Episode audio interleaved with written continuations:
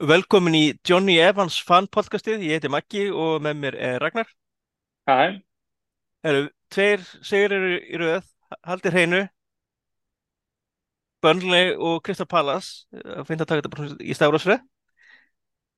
En þarna, þetta er þarna, við byrjum kannski á Burnley leiknum sem ég sá svona með öðru auganu, með einhver hljóði, en þarna, það var svolítið strögg. þetta var ströggleikur. Þetta, þetta var ekki fallegasti sigur, sigurinn sem var þessi United taka. Uh, en mikilvægi, mikilvægi var gríðarlegt. Veist, þetta, þetta, var farið að líta frekar illa út hjá United. Uh, þessi byrjun á þessu tímbili og að það hefði orðið hrikalegt að tapa þarna stigum móti Burnley. Uh, en, en eins og við segjum, sko, ég menna að liðið leit ekkert sérstaklega vel út. Uh, Burnley menn fengu fínustu færi í fyrriháleik uh, og síðan alltaf skoruðu þetta mark. Johnny Evans skorar og hérna, það haldi allir að það sé örugt að þetta verði að það sé komið 1-0 en, en Rasmus Hólund er þannig rángstæður og hann, veist, hann er rángstæður ég, ég held að sé erfitt að, að hérna, mótmæla því en það sem kannski flestir eru svektir yfir er að City fjekk skoraði svona mark um daginn og þar var ekki dæmt neitt en En við- mér- skilst að þeir hafi verið viðkent að, að það hafi verið mistök að leifa. Já, einmitt sko. En hérna og síðan í seinni hálfleik þá, ég meina, þetta var ekkert sérstaklega, þessi leikur bauði ekkert upp á sérstaklega margt sko. En e, þetta mark sem United skoraði er alltaf frábært. Sendingin frá Johnny Evans er geggjuð og slúttið hjá Bruno Fernandes bara e, til fyrirmyndar. Þetta er svona Þetta er One er svo- 2013 dæmi. Þetta myndi á... er- þetta er- B-útgáfan af því að því að hann kom á svo mikill ferð og náttúrulega var fyrir utan vítateig og, og hérna og vann náttúrulega titilin fyrir okkur þannig að þetta er svona aðeins ódýru útgáfan af, af því uh, en hérna en þú veist bara, þú veist, geggja að, að hérna Johnny Evans hafi komið svo sterkur inn á ég meina, veist, það voru ekki allir sem hérna heldur að það væri sniðut að vera að fá hann þarna inn en Eh, Það var fullt af andvörpi byrði því að verið í byrjunarleginu manni. já, já, og hérna og ég meina, þú veist, kannski alveg skiljanlegt ég meina, þú veist, það er ekkert þó, þó ég Jo- Johnny Evans og hérna og, og finnist bara mjög fínt að fengið hann inn, bara allavega sem sko bara inn í klefa og hérna til þess að koma með smá aga og hérna kenna leikmönnum að þá er ekkert maður, það er ekki drauma veist, staður að vera á að Johnny Evans sé að byrja leik fyrir United veist, og hann er þannig séð sjötti niðurinn okkar eins og við höfum talað um. En hann stóð sér bara með príði og hérna veist, vel gert uh, og síðan í seinni áleik ég meina mér fannst Burnley geta sótt á United þú veist hérna bara næstu klukkutíman og þeir hefðu ekki skorað sko uh, Nei, nei, maður eiginlega skilur núna, maður, þeir náttúrulega voru frábærir í Championship. Um, eftir, eftir að hóra þennan leik, þá skilur maður svo sem alveg af hverju þeir eru í fallseti og bara með þetta eina stig. Já, þú veist, þeir eru alltaf búin að spila einleik, færra en, en hérna, og þú veist, þeir spila ágætan fótbolta en það er rosa mikið stökk að taka að spila fótbolta sem þeir spiluðu í Championship og ætla að gera það á tiltölu sama hóp í ennsku úrvalsleitinni. Ég veit að þeir gjörsamlega slátruðu uh, Championship-deildinu og þeir, þeir, just, ég hef þeir gæti alveg að halda sér uppi en þetta er bara miklu, miklu meira ströggl uh, og hérna sérstaklega þegar þú ert að gera það móti liði eins og United eins og Manchester City eins og þeir reyndir náttúrulega í fyrstu umferðinni að þessi lið þú, þarft bókstala að nýta þér alla mögulega sensa sem þú færð og allar góðu stöðuna sem þú færð á vellinum ef þú gerir það ekki að þá veist, þá verður það bara, þá verður leikurinn mikið stökk fyrir þig, sko.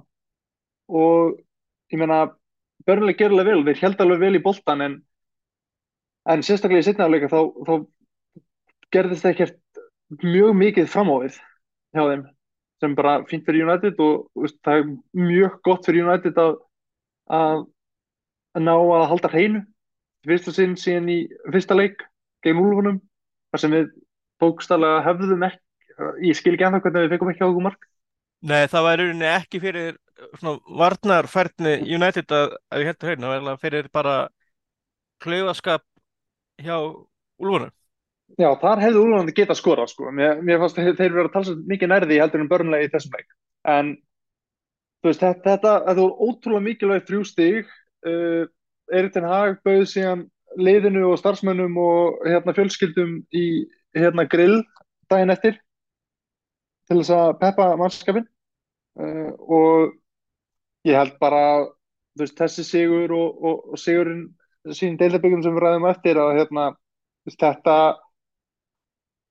það þarf að koma aðeins meira, meiri bjart sinni inn í stundingsmenn og, og hérna og hópin og veist, núna getum við kannski fara að einbeta okkur að eitthvað öðru heldur en að senda frá okkur fréttatilkynningar um hérna ímsu leikmenn. Já, nákvæmlega og við getum komið að sinna það líka að þarna Tieton Sand, að það var spurt út í Tieton Sancho eftir leikin í gerð og að Ten Hag fannst mér bara höndaði bara perfectly, hann bara vildi bara tala um þá leik, leikmenn sem voru á vellir Já. hann er kannski búin að ég veit ekki hvort, ég, veist, ég vil ekkert endala kenna honum um þetta, veist, það, það er klárlega ekki kannski alveg, en það er kannski fínt kannski bara einmitt að þeir eru að spyrja leikmenn ef leikmenn er ekki að spila bara segi, tala bara um þá sem eru þannig að þetta er bara fín regla. Já, það er bara fínt og hérna En, en eins og ég segi, ég menna, börnlega törf mór, ég er ekki beint að segja að það sé einhver hérna, banna hýðisleikur en, en hérna, en það var mjög kærkomið að, að hérna, ná í þrjú stig og hérna, og líka, líka mjög ánægilegt að sjá með, þú veist, Rafael Varane og Sofian Amrabat koma inn á þeir eru núna að koma tilbaka spyrir hann alltaf síðan báðir í deildarbyggarleiknum 60 mínútur eða eitthvað leis uh, svo fyrir hann reyndar held ég aðeins lengur heldur en heldur en Rafael Vara, nei, nei, nei nei, nei, nei þeir spilu þeir komu út af saman, eða ekki? Ég held að. Uh, en að svona að United sem við, við það, það er búið að vera mikið meðsli á nætti tímbilinu og það er mjög hérna ánægilegt að sjá að menn eru að koma aftur úr, úr meðslum og, og fá líka að spila við höfum náðu að sig, sigra börnlei á svona frekar löskuðum hóp og leift Varan og Amrabat að fá nokkra mínútur en ekki þannig að það væri einhvern veginn of mikil áreynsla á þá Nei og ekki í ykkur svona paniki um að þú veist, elda fórskot eða eða desperation að skora marka, bara raunin að gefa þeim bara svona mínútur. Já, einmitt. Þannig að það er svona það er ekkert mikið með börnuleika að segja. Við, við óðum ekki færum. Við áttum eitt stangarskot þarna og ég meina börnulega átt eitt stangarskot uh, þá var þetta mark sem var tekið af sem hérna, var leiðilegt. Þetta hefði verið gaman ef að Johnny Evans hefði fengið að skora. Já, uh, það hefði eitthvað með svona upp og bara, bara upp af svona narratífið Já. En hann fær ekki sér tækifæri til þess einhvern veginn síðar á tímbilinu því hann var líka náldi, hann var náldi á móti í Kristján Pallas sko. Já, ég hérna, ég veldi þeim ég ekki kíkt á það, það var gaman að kíkja á stuðulinn á hjálp veðböngunum um hérna Johnny Evans mark. Það, það slítur eiginlega bara líki loftur Já, já. Henni var hann leggja upp og okkur laus en, en já, þetta og ég menna eh, þú veist, United eh, í, á móti betra liði þá hefðu, hefðu örgulega tapað leiknum sko, ég meina það er maður vera alveg hreinskilin, þetta var ekki glæsileg framstæða en, en hérna Nei, en það má heldur ekki taka frá, það vantaði ótrúlega mikið, af- rosalega margir sem að vantaði í þetta lið. já, algjörlega, ég meina Og öll önnu lið virðast að fá sko afslátt á einhverju af því að það vantar einn að tvo, það vantar sko sjö. já, Þú veist, sem En- er, er hjúts. kannski, þú veist, an, annað að taka frá þessum leika, hann er bara með Eibri kom bara mjög vel og Hann ferskur var- inn í Það var mjög Hópinn. flott, mjög flottur og fekk svo, ef við kannski, við rennum bara beint inn í Krista Palas, það finnst að við, það er svona helst út í hendur, að- svo fær hann áfram sjensin. Já, já, Og Kristið Pallas Kristið Pallas leikurinn var það var heimin og haf mitt þess að leikja sko þó að það hafa nú bara, bara verið einhverjir sko tveir dagar á milli að þá Það koma, það koma inn náttúrulega leikmenn sem að hafa ekki verið að spila, það er náttúrulega, þetta náttúrulega var bara, sérstaklega fyrir hálfleikurinn og og svo meðan var inn á, þá var þetta náttúrulega bara því Amrabat sjó. já uh, Ég síðan sko, síðan sko Prime Rooney, ég hef ekki séð mann tæta upp völlin og vera sko vinstir í bakverði og vera svo komin á hægri kantinn að takla og já, bara- sko hann maður skilur af hverju Ten Hag fekk hann. einmitt. Hérna United við fyrir bara alveg yfir Kristið Pallas leikina þá hérna veist, eh, þetta var einhvers konar fjóri, tveir, þrýr einn eins eins og Ten Hag spilar yfirleitt. En þegar við sóttum að þá kom Amrabat oft inn á miðju Já, þetta var, þá var þetta svona þrýr, fjóri, tveir einn í rauninni, já, sóknarlega. uh, og hérna hjálpaði til inn á miðju og dróð sér síðan aftur út á kant þegar, þegar að, veist, við mistum boltan uh, og stóð sér bara mjög vel uh, all, allan þann tíma sem hann spilaði og veist, ég er búin að sjá okkur tölfræði að, að hérna, hafa með eitthvað 90% hérna, sendingar hlutfall og, og 100% hérna, svona einvíja hlut að hann vann öll einvíin sína vellinum. Uh, og flest allar sendingar hans eru fram á við. Og hann var hann var bara þrjusu góður. En, en hérna ég myndi nú samt segja að Casemiro hafi átt kvöldið sko.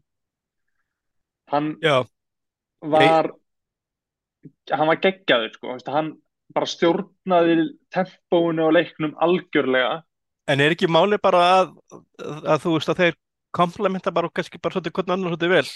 Jú, og þú veist, það gera verkum að Casemiro getur ítt aðeins upp, þannig er ekki alltaf ja, alveg fastur hérna aftarlega á miðunni þegar. Amrabat dreifir sér hann uh, United byrjaði leikinn bara mjög rólega og þú veist, þetta var heldur bara boltanum bara mjög þægilega sínu milli og bara svona voru aðeins að finna finna sig og hérna og sjá hvernig Kristall Pallas ætlaði að spila úr svo Kristall Pallas ætlaði bara að verjast.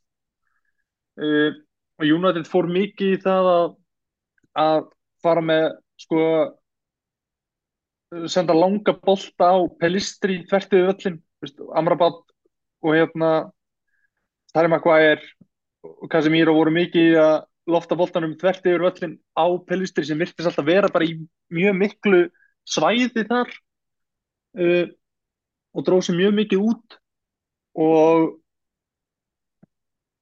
fyrsta markið kemur alltaf þannig þegar Mason Mount liftir boltanum yfir á Pelistri sem einhvern veginn svona kontra niður fyrir hérna Daló sem er á veist, miklum hraða og fær boltan og keirir inn á vítategin og sker hann út og, og það er Garnaccio mættur og, og tækla boltan inn. Gegja spil og það, það, það, það greinlegt að það var búið að leggja það upp að senda boltan á Pelistri út á kantinum af því að þeir ætluðu að ráðast á Mitchell okkur hérna Krista Pallas og Richard sem var mið, annar miðvarna í leiknum með Robbo Holding. Uh, og kannski svona aðeins hérna reynslu minna minni hli, vinstirliðin hjá Krista Pallas í vörninni. Það vantar náttúrulega, ég held að hvorur er að, allavega allavega sko Richard er sko vinstri bakverður upplægi og þá vantar hann að Marko í hann að hann kom alltaf inn á í leiknum sko. landslismann og, og þeirra svona aðal Já, miðverð og náttúrulega hefur verið orðað við United. Já, hann, hann kom inn á í leiknum veist, í setni hálfleik uh, bara veist, í, í hálfleik þá kom hann inn á og það var greinlega bara gert það til þess, hann var bara átt að kvíla hann eitthvað og síðan ákveður Rói Hjóttum bara að setja hann inn þess að styrkja vörðuna. En hérna en já, ég finna að þú veist, frábært mark hjá United og greinlegt að leikkerfið eða sko planið virkaði fullkomlega í þessu marki og síðan hérna Þetta má nefna Sam Johnston var búinn að vera inn á vellinum í 20 sekundur held ég þegar United skora uh, eftir að Dean Henderson fór út af meittur en Johnston gæti nú ekki gett í þessu marki en uh, svona hálf hálf leið eða svona hálf leiðileg fyrir greið að vera ný valla komin inn á þegar hann færi á þessi mark sko.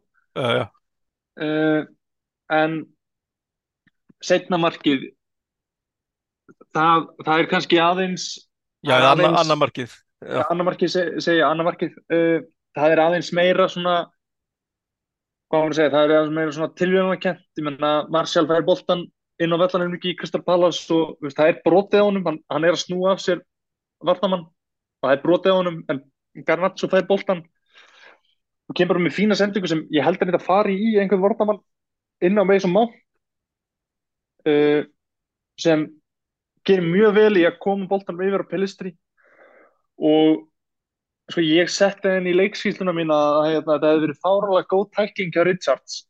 Uh, sem þess að komið vekk fyrir það að Pellistri myndi skora en ég er búin að sjá endursýningar núna í dag af þessu. Og þetta er bara 100% viti þetta er bara, hann fer snertið alltaf boltan, þetta er alltaf tekur Hann- mannin vel hann- undan. Meina, ja, sko, hann sparkar náttúrulega bara í Pellistri sem gera það verkum að hann missir jafnvægið og skýtur síðan boltanum í Richard út af þannig að þú veist Rich, sko, tæk, Richard fer aldrei í boltan fyrir en að Pellistri sparkar hann í hann sko. en hann náttúrulega eyðileggur alveg skotið og kemur Pellistri úr jafnvægi en þú veist á saman tíma það er náttúrulega ekki var í þessari allavega ekki á þessum tímpunkti keppninar þannig að uh, þannig að veist, ég, ég skil alveg hvernig dómarinn hélt að uh, Richards hefði náð boltanum þessi ég hélt það og ég hélt það alveg þangað í dag sko. Já, uh, og það er náttúrulega ekkert var í ekkert var í líka og hérna og, og Pellistri bað heldur ekki um neitt sko. það var enginn sem, United maður sem bað um neitt þannig að það var ekkert ég meina, ég held að hafa ekki sko það var enginn að pæli því að fá víti sko. nei, þannig að en, en upp úr hóttunum náttúrulega veist, þannig að uh, kannski, sk- þetta skipti að lókum einhver máli að þá náttúrulega skorar Casemiro. Og fyrsta stóðsending með þess að Monty United búningin komin já, og Marko Hotni. Já, markur hóttni það er bara, Ah. það er bara þegar hefur verið few and far behind far between síðan hann að Giggs hætti að spila. Og taka, taka hot Mér, mér finnst þetta svo merkilegt sko, það, er ótrúlegt hvað Casemiro er lúkkin að koma sér í góðar stöður í fyrstum leikatri. og bara Það í er- sóknarlega, hann er minna hann er Já. skorað glettilega mikið síðan að kom og komið af er fyrsta með, mörgum hann, er með, hann er með 20 mörg og assist í 58 leikin fyrir United. já, varnatengilegurinn Já. uh, veist, maður var ekki búast við því frá honum, skilur, just, nei, alls ekki sko. Að, að hérna, þetta er, veist, og hann, ég meina, veist, hann, hann er bara, hann er mjög góður skallamaður og þetta er eitthvað sem maður sá, maður sá ekkit sérstaklega mikið af þessu hjá honum hjá Real Madrid, allavega ekki í meistaradeildinni kannski, kannski var hann að gera það í deildin reglulega með, já, svo Um, náttúrulega, svo, en í náttúrulega real að þá náttúrulega voru með hann að eins og vorum ágætis allt í lagi fram, allt í lagi framlínu sko. Og, og allt í lagi framlengjandi miðjumenn sem voru kannski svona framar á vellinum heldur en hann. Já, he- held, já, þetta er eh, Luka Modric og Kroos sem eru af- aftur á vellin í dag en, Já, en, en hérna en já, bara, veist, þetta var góð hotspinn og ég, veist, ég held að hotspinnan frá Mason Mount, veist, hún var einhvern veginn þú veist, að virtist bara vera þetta hafi verið teiknað upp sko. Þú að senda hann, að þetta er svona svolítið út í tegin, þetta er fast uh, og Casemiro kemur bara á hlaupinu og, og sneiðir hann í hotnið eða svona næstu í hotnið en hérna og þú veist, bara 2-0 þú veist, í fyrra hálfleik Crystal Palace ekkert búið að ógna United eiginlega búið að halda einoka boltan og hérna þetta, þetta virkaði þetta virkaði svona, smá jafn þægilega og þú veist, þegar United spilaði undir Ferguson. Já, og þá, veist, þá er ég ekki að segja eitthvað svona, þú veist, að við séum komin áttur á þann stað að vera eins og United Ferguson, alls ekki, en, en þetta var einhvern veginn, þú veist, þegar maður horfði á United leiki hérna, þú veist, fyrir núna meirinn tíu árum uh, að þá þá var maður aldrei að stressi og United var kannski ekki endilega að nei, sko, þeir, áttu til vaða í færum. þeir gáttu spila bara í þriðja gýr og, og, og skorað og eitthvað, það, og það var ekki virka og þá bara fara upp um gýr guðist, það var ekkit það var ekki svona panik.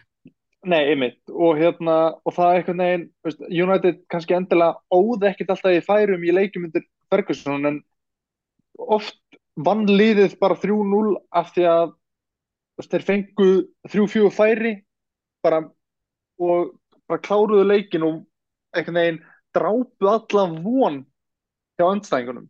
Já, og mér fannst það svolítið það sem United gerði í þessum leik var að bara frá fyrstu mínútu að þá gáfu þeir aldrei Kristaf Pallas einhvern veginn þegar af því að þeir gætu Já. og það er eitthvað sem United hefur svolítið verið að gera þessu tímbili er að, og náttúrulega við mistum rosalega mikið eftir að Ferguson fór að andstæðingar komin í leikin með þá trú að þeir myndu vinna sko, eða þeir gætu unnið. Já, og þarna fannst mér Kristall Pallas bara aldrei trúa því þeir gætu unnið United. Nei, þeir, þeir, var- spi, þeir spilu svolítið eins og United gerði undir Moyes þegar til um að mæta Newcastle og ætla að reyna að gera erfið fyrir Newcastle sem var bæði veið þá fallbarustilið Já. og fjallu held ég maður annað það tíðanbílega tíðanbílega eftir. Og til að setja í samhengi. Já, og í setna áleik, United gerir breytingu í hálfleik eins og Kristall Pallas uh, Lindelöf kom inn á fyrir mig sem má og ég er búinn að allavega þeir fréttamiðlega sem, sem ég séð að þessu er að það var bara búið að ákveða það að Mason Mount myndi bara spila 45 mínútur Já, minnst það með eitthvað fullkomið sen sem er að Já. nýköpti neðsli, ég held að það sé ekkert, ekkert þannig að me meira það bak við það. United stundismenn ætti ekki að vera að það, það ætti allan ekki að vera að Mason Mount sko, sem er bara mjög góða fréttir og mjög fínt að og hann stóð sér bara mjög vel í þessum leik uh, veist, hann, veist, hann byrjar þess að sókn í fyrsta markinu og hann á stóðsendingu í öðru markinu uh, og Lindelöf kom bara inn á í vinstir bakverðin og Amrabat fór upp á miðið og það er raun og veru gekk líka bara eins og í sögu sko. United voru bara mjög rólegir á boltan og einhvern veginn heldur bara boltanum og hérna í raun og veru bara spurðu Kristal Ballas hvað ætlið þið að gera? Þið þurfum að skora ekki við sko. Og, og síðan á hérna 50.50 mínútu að, að þá hérna á Casemiro þessa sturluðu sendingu á fjörstöngina þar sem Antonio Marcial kom á ferðinni. Hérna, ekki oft sem að segja þetta lengur. Nei, og Eh, þarna og slúttar þessu bara vel, ég menn maður hefði séð mjög marga að setja boltan yfir eða beint í markmannin en þetta, er- mjög gott slút hjá Marcial það má ekki taka það á honum. Uh, og ég menn en, en sendingin á Casemiro er, er gegguð, hún er, er hárnákvæm á Nei. fjárstöngina já, ég vil að meina það sko að að það jafnvel sko sendingin aðeins meira heldur í slútti þó að slútti hafi verið að veri að gera vel að, að þessi sending hann var hann bara trubluð. Já, uh, og hérna, og eftir leikurinn er, veist, var frekar auðvöldur, það lifna aðeins yfir Kristal Pallas þegar Ese kom inn á, en veist, að það var samt rosa mikið stundum bara hann að, að reyna að gera eitthvað og það vantaði síðan uh, að geta sendt boltan á eitthvað Já, þeir eru náttúrulega með skelfilega hérna mannaðir það kemur að framherjum líka. Já, er og, og svona svona, Eduard, og svona Eduard markast leikmaður á þessu tímbili, hann meittist í síðasta deildaleg. Já, og svo náttúrulega besti langustu maður þeirra náttúrulega fór, Uh, já, fór til Tyrklands. og að, er líka meittur, þannig að hérna, já, sem er náttúrulega er, veist, hann og Esi náttúrulega eru svona, ska, mennirnir þeirra, sko. ska, svona þeir sem eru að sjá um að skapa hjá þeim. Já, akkurat. Uh, það er svona, það lífgað, það, það lifnaði síðan líka aðeins yfir leiknum þegar voru svona tíu mínútur eftir. Veist, þá einhvern veginn virtist eins og Crystal Palace færi í einhvern veginn svona kæruleysismót og bara einhvern veginn þegar við þurfum að gera eitthvað sko. Svo getum við ekki bara einhvern veginn setið hérna og left United að halda boltanum þú veist, þannig að leikurinn er búinn þeir, þeir reyndu, þeir fengu þeir fengu fínt færi eftir að United svona datt aðeins hérna, eru aðeins kærleysir í vörninni. Uh, Maguire sendi uh, svona, það var svona svolítið hérna ekkert erfið sending en, en svona hann setti Lindelöf undir pre, smá pressu og Lindelöf gerði sér engan greiða með því að einhvern veginn býða, hann beið í alltaf langa tíma með að reyna að senda boltan á Casemiro sem var undir algjöru pressu og United misti boltan og uh, Mateta fekk bara fáránlega gott færi en Onana varði vel. Þa, það er líka, ég held að það sé líka mikilvægt sko að þann fái að verja einhvern bolta. Það sé ekki bara einhvern veginn við unnum leikina því að Kristall Pallas átti alltaf skota markið sko. Já, mitt. uh, hérna og og síðan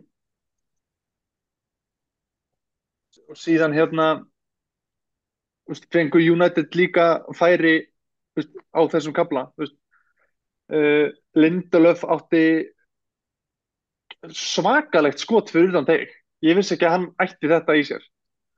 Tók hann þarna svona á svona half volley eins og, og breytin segir það. Kom hann skoppandi út úr tegnum eftir hotspinnu og hann smell hitta sko, þetta var ógæðslega fast skot. Bara vest fyrir hann að það fór beint á Sam Johnston Já, sem sló hann hann eitthvað upp og það varði eitthvað darradans og síðan fekk Garnaccio hann fyrir utan deg og átti fínt skot sem Johnston varði síðan vel sko. Uh, og það var veist, og það, þannig í raun og veru bara endaði leikurinn sko. Uh, en, en maður sá þarna að veist, Pellistri veist, ég er bara að, af því að ég býst alltaf við því að Casemiro sé góður. Uh, það er svona bara ákveðna kröfum sem hann setur á hann sem og Rafael Varane.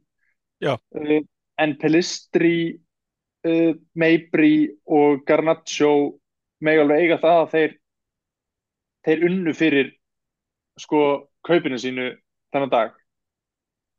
Þeir hlupu veist, þeir, þeir voru alltaf snöggir í, í að hérna uh, koma tilbaka ef að United misti boltan þeir voru, veist, þeir pressuðu vel. Þeir voru ógeðslega duglegir og þó að veist, maður sjá alveg að það, það vanti kannski eitthvað svona svona end product- produktið hjá þeim veist, þeir, þeir eru svona óslípaðir demantar þeir, þeir gera svona mistök og þú veist, sendi þetta kannski ekki alveg upp á tíu alltaf og, og svona, þú veist, ef þeir taka menn á að þá þú veist, mista þeir kannski boltan aðeins langt frá sér eða eitthvað svoleiðis. en uh, bara sko vinnan sem þeir settu í leikinn og hérna og veist, þeir voru bara fárlega duglegir í leiknum og það er sem maður vill sjá. Maður vill sjá veist, baráttu og einhvern veginn, ef þú missir boltan Garnaccio missi boltan út af vinstri kantunum á ég held að það hafi verið 8000 mínútu eða eitthvað og þú veist, hann var ekkert að svekja sig á því að hann mist boltan það bara stóð strax upp og hljópa eftir leikmanni Kristall Pallas þú veist, í staðin fyrir að vera eitthvað að svekja sig og eitthvað svona rölda tilbaka af því að það eru hvað sem er hérna tíu menns fyrir aftan boltan að þá þú veist reyndar að gera eitthvað í því sko. Þetta er svona hugafars eitthvað, svona er svona kar, sína karakter og sína, þú veist, þannig að uppöfna optics, það líti ekki út eins og þau sé bara skýt sama. Já, akkurat sko. Uh, um, hérna Harry Maguire stóð sér líka vel leiknum. Uh, þú veist, hann, hann kemur í veg fyrir mark bara á svona áttundu mínútu þegar að kom först lágsending fyrir mark United það var fyrsta og ég eina skipti sem Kristaf Pallas fór yfir miðju í fyriráleik uh, og þú veist, boltinn er bara að fara að þú veist, hann, hann, er að fara að rúlla á Matt Teta sem hefði bara þurft að pota honum inn sko ef að Maguire hefði ekki verið komin og og hérna komið í það. Og þetta, þetta var alveg svona, þetta var næstu í það hefði alveg verið típist Harry Maguire og hans einhvern veginn sígandi lukka að þessi bolti hefði skoppað af honum og farið inn. Já, það er kannski, þetta er svona millimetra svismál alltaf um eitthvað, þú veist, þannig hvort er þetta geggjur hreinsun eða glæsilegt sjálfsmark. já uh, og, veist, en hann, hann var veist, hann var mjög yfirvegur í sínum aðgerðum átti mjög margar fínar sendingar í fyriráleik út af Pelistri og, og, hérna, og langar sendingar leiknum uh, og síðan náttúrulega með skiptingu Kristal Pallas í setna áleika þá, þá kom Mark Guehi inn á og þeir fóru í þryggjamanna vörð og þá virtist plássið fyrir Pelistri út á veist, það, það bara virtist vera Rói Hótsson væri að loka á það pláss. Hann gerði það veist, og það virkaði veist, svo aðgerði á Rói Hótsson en það þýtti líka bara að Mark Guehi kom inn á í staðin fyrir sko kantmann þeirra og það þýtti bara að það var ennþá minna biti í sóknarleik Krista Pallas Já, þeir, þeir, þeir vissulega þéttu bara aft, tilbaka en, en, en þeir sem er, sem er skrítið í sko útþróttaleg, ég skil, myndi skilja það að þetta væri sko deltaleikur og þú vilt eftir reyna að takmarka skadan en veist, ég, þetta er ekki, þetta er ekki þú veist, þú, þú, það er ekkit betra að tapa sko 3-0 heldur en 4-0 Eh, Ég held að, veist, ég veit ekki alveg veist, pælingunni hjá honum en, en ætla hann hafi ekki bara ætla að reyna svona bara einhvern veginn múra og, og síðan vonast eftir einu marki og, og þá hefði allt gett gerst sko. Já, eða hefði náða að minka munin hérna eitthvað Já. og, og, búinir að tryggja, og búinir að svona tryggja hérna öftustu línuna þá Já. Um, en já, þú veist, svona fyrir utan, veist, að Amrabat var massífur í leiknum og þá stóðu allir, þá, þá, þá var mjög allir bara örku fínt. Má, þú veist, nefna það, ég meina, Johnny Evans kom inn á fyrir Rafael Varane, þarna á svona s- 60. mínútu uh, og með honum kom Daniel Gore uh, inn á fyrir Sofjan Amrabat. Já. kemur uh, inn- á miðuna já, inn á veist, Daniel Gore var bara mjög fínn í leiknum og, og veist, sprækur. En veist, það sem mér, mér fannst svona skemmtilegast að sjá er að hann var óhrættur einhvern veginn að spila út úr pressu veist, nálægt við þegar United og hann var góður í því. Já, var ég, góður í að losa, losa sig úr svona þungri pressu, Crystal Palace og að leta pressun af United ekki bara með því að bombboltanu fram heldur að koma honum á leikmenn í þægilegri stöðum já ég, þeir sem þekka til hann sko einmitt, ha- hafa talað einmitt um það að hann er mjög góður einmitt í því að koma sér út úr pressu Já. og svona, þú veist, þannig þetta og, og koma sér bolta og, og svona, þetta er víst og þess að segja, það er ekki til segja að þetta sé leikmaður sem að er jafnvel meira sko advanced heldur en sko Kobi og Hannibal. Já, og, Ég- og, og, og hann að- sem að hann fór til Hollands. Já, þannig að já, það er gott að allar að fínt að geta svo- leik, svona leikmennum pláss og líka þeir líta vel út og svona þannig að já, þannig að- líka bara skemmtilegt að þetta sé ekki móti hérna, þú veist, hérna Walsall eða, eða hérna eða móti Svindon. Nei, þetta, þetta er, er ekki þetta er þetta er á móti, alvöru lið, úlfurstætta liði ekki það hann- ekki alvöru lið. Nei, en, en veist, hann kemur inn á sama tíma, ég meina, þú veist, Ese kemur inn á hérna rétt á undan. Veist, og Will Hughes sem veist, eru bara oft ég er sem alltaf byrjunarliðsmaður hjá Crystal Palace Will Hughes eru svona yfirleitt í byrjunarliðinu hjá Crystal Palace eða mjög oft allavega. Uh, og þú veist, þú veist, hann er að hann er að mæta veist, gaurum sem eru líka óþreyttir og eru bara þokkalega góðir í fótbolta sko. uh, og, og það, það máli líka nefna það að mjög fyndin staðarinn sem ég sá yfir, yfir, yfir leiknum að hérna, eh, ég er undar leitaði að því eftir að hérna, þegar ég sá hann kom inn á að hérna, Daniel Gór átti ammal í dag nei, í gær þegar, veist, var, hann, hann átti ammali þegar hann kom inn á sem er náttúrulega mjög skemmtilegt fyrir áttina og stráka að spila uh, fyrsta byrjunarliðsleikin sinn hjá United Já, fyrsta fyrsta leysleikin, hann talaði að kemur inn á. já, já uh, uh, á ammælistæðin sinn Já. uh, með Johnny Evans sem er uh, svona, þetta er, þetta er ákveðin svona ákveðinu andstæður, hann er ekki að byrja sinn fyrir United uh, en hann Johnny Evans uh, byrjaði sinn fyrsta leik í United akkurat sko fyrir 16 árum síðan þannig að hann, hann kom inn í sínu fyrsta leik sko 27. september eins og Daniel Gór gerði uh, þannig að Johnny Evans kom inn í sínu fyrsta byrjunarliðsleik þegar Daniel Gór átti 30 ára amali Það er þetta gott. uh, sem, sem mjög og þarna komið þeir inn á saman sem er að Johnny Evans átti 16 ára byrjunarliðs amali og, hérna Daniel Gór átti 18 ára amali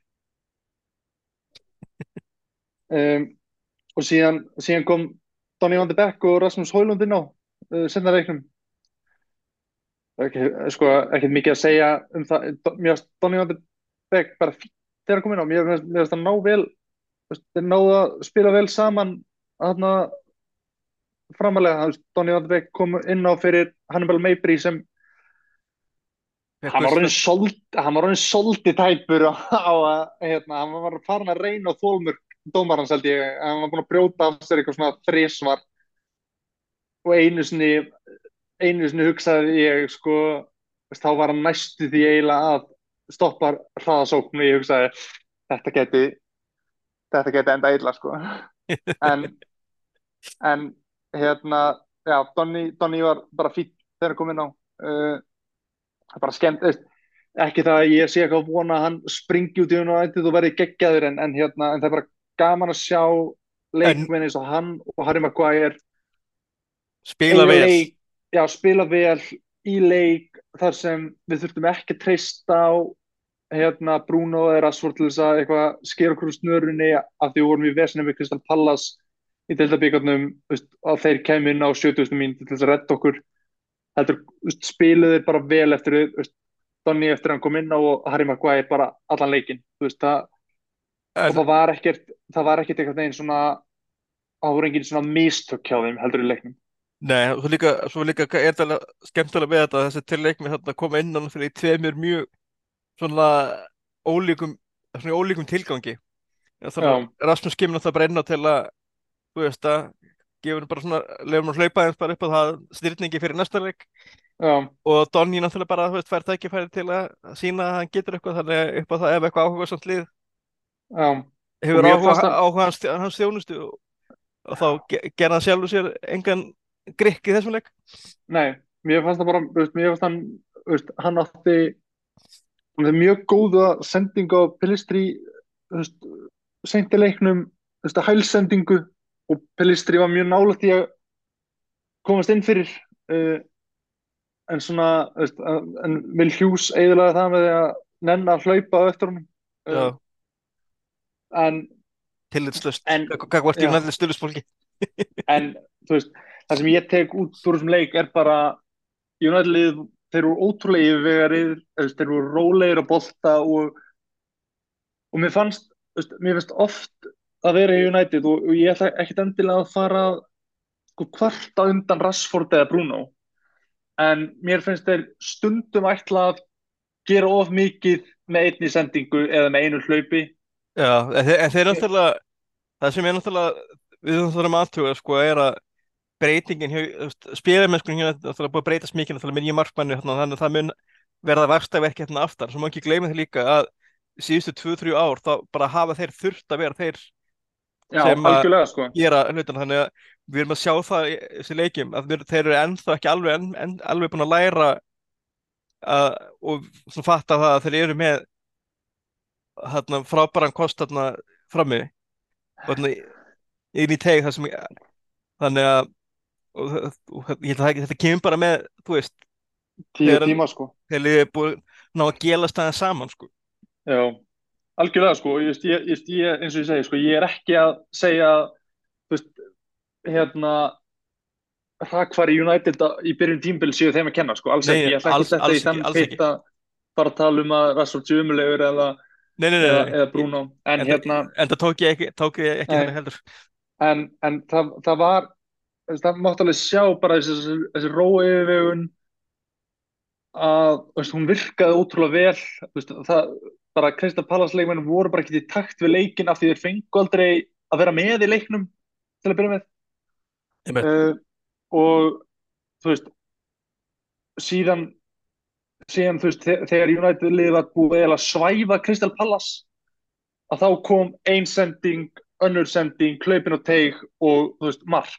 Og, og, veist, og þetta, og ég meina að þú veist þetta séð sitt í gera marg oft Ég meina, þú veist, að halda boltanum bara í margar mínútur og síðan allt í hennu kemur einhvern ein sending og það breytist og þeir setja í einhvern annan gýr og skora.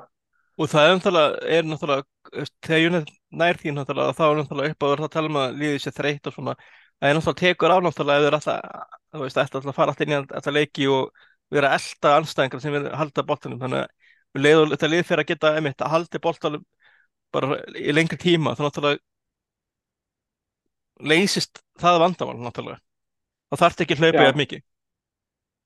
Einmitt sko. Uh, hérna við kannski förum að segja skili við þennan leik. Eh, ég ætla Já. að bara, veist, United var með var 69% boltan í leiknum. Já. Uh, þú veist, þeir voru með 719 sendingar versus 290 hjá Crystal Palace. Veist, þe- þetta er United-liði sem maður vil sjá Já, maður fekk kannski, svona, smá næsta þennan því að hvernig hérna Ten Hag vill sjá já, United spila. Einmitt. Og hérna, já, og það er bara góður þrjónusegur en aðra við svona slúttum að það náttúrulega er komin út FC24 hétt áður FIFA. Og fyrir, fyrir frá a- alla veikustu þá var þetta forpanta og, og fá aðgang á síðasta föstudag og við erum tilhörum þeim hópi Já, Og við erum að, að fara út í eitthvað, að- sko, eitthvað Allt- rugg núna, sko. allt Já. aðra sálma þannig að ef, ef þið eru menn á ákveðum aldur þá viljið öruglega slökkva en ef ekki, ef þið hefur gaman á gaman á svona hlutum að þá náttúrulega hlustið þá bara Já, við ætlum aðeins að ræða United uh, leikópin í, í, í, í leiknum og hérna, já, fara alltaf fara svolítið í gegnum bara þarna kannski hópin og svona og svona ratings og svona hvort að, og hvort að við teljum það sangjant og og, og hvað er ertu með listan fyrir fram að ég var að senda á þig bara hérna í skilaböðum, hérna í slakkjunni, þú getur. Já, ég var, ég var, ég var reyndar komið með hann upp en, en hérna, þú ert kannski með eitthvað annan lista? Já, ég hérna ég mæli með hérna að síða sem ég nota mjög mikið Já, svo FIFA.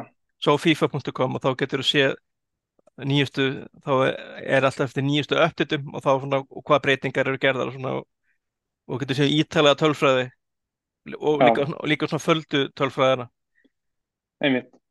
en hérna ef við hérna byrjum kannski bara á, þú veist, byrjunliðinu eins og það er sett upp í leiknum Já, sem er kannski það er hérna kannski ekki alveg það sem munum sjá núna á næstunni en það það að segja en þessi það lið hefur spilað og, og heldur ykkur langt til að þessi þetta samansamt spila saman aftur. Já, við kannski byrjum þá bara á markmárunum Andri og Nana 85 já.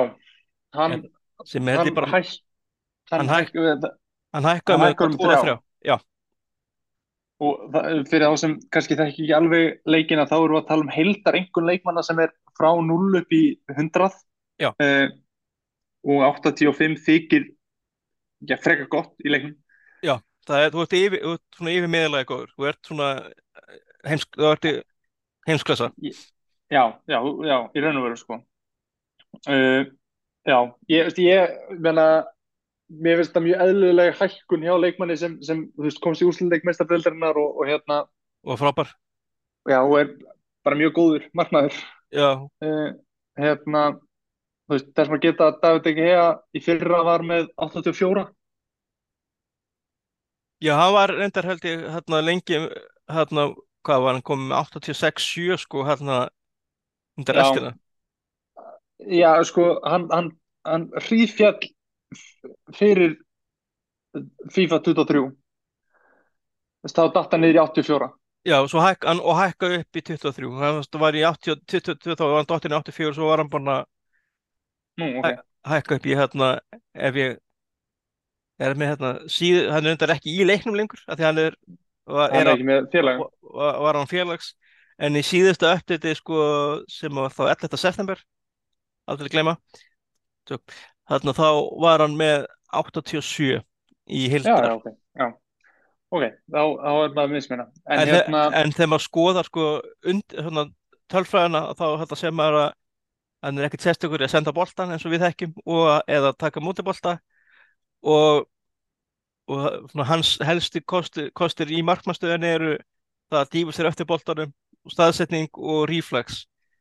Já. en útspörk eru það er, það er hvað, 71 og, svo hérna handling er 78 þannig að þannig jú, 87 er góð einhver en ef maður skoðar hana betur þá náttúrulega eru hérna augljósir svona vannkanta vannkantar en sem, en sem er kannski bara fullkomlega eðlilegt af því að það er ekki eins og hann er ekki lélu, það er engin, ég held að enginn sé haldur hann að til GS ekki frábæð markmaður, hann bara hendar ekki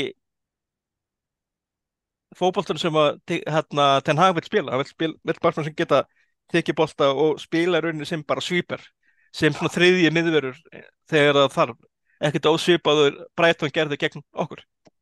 Já, hann, stíl.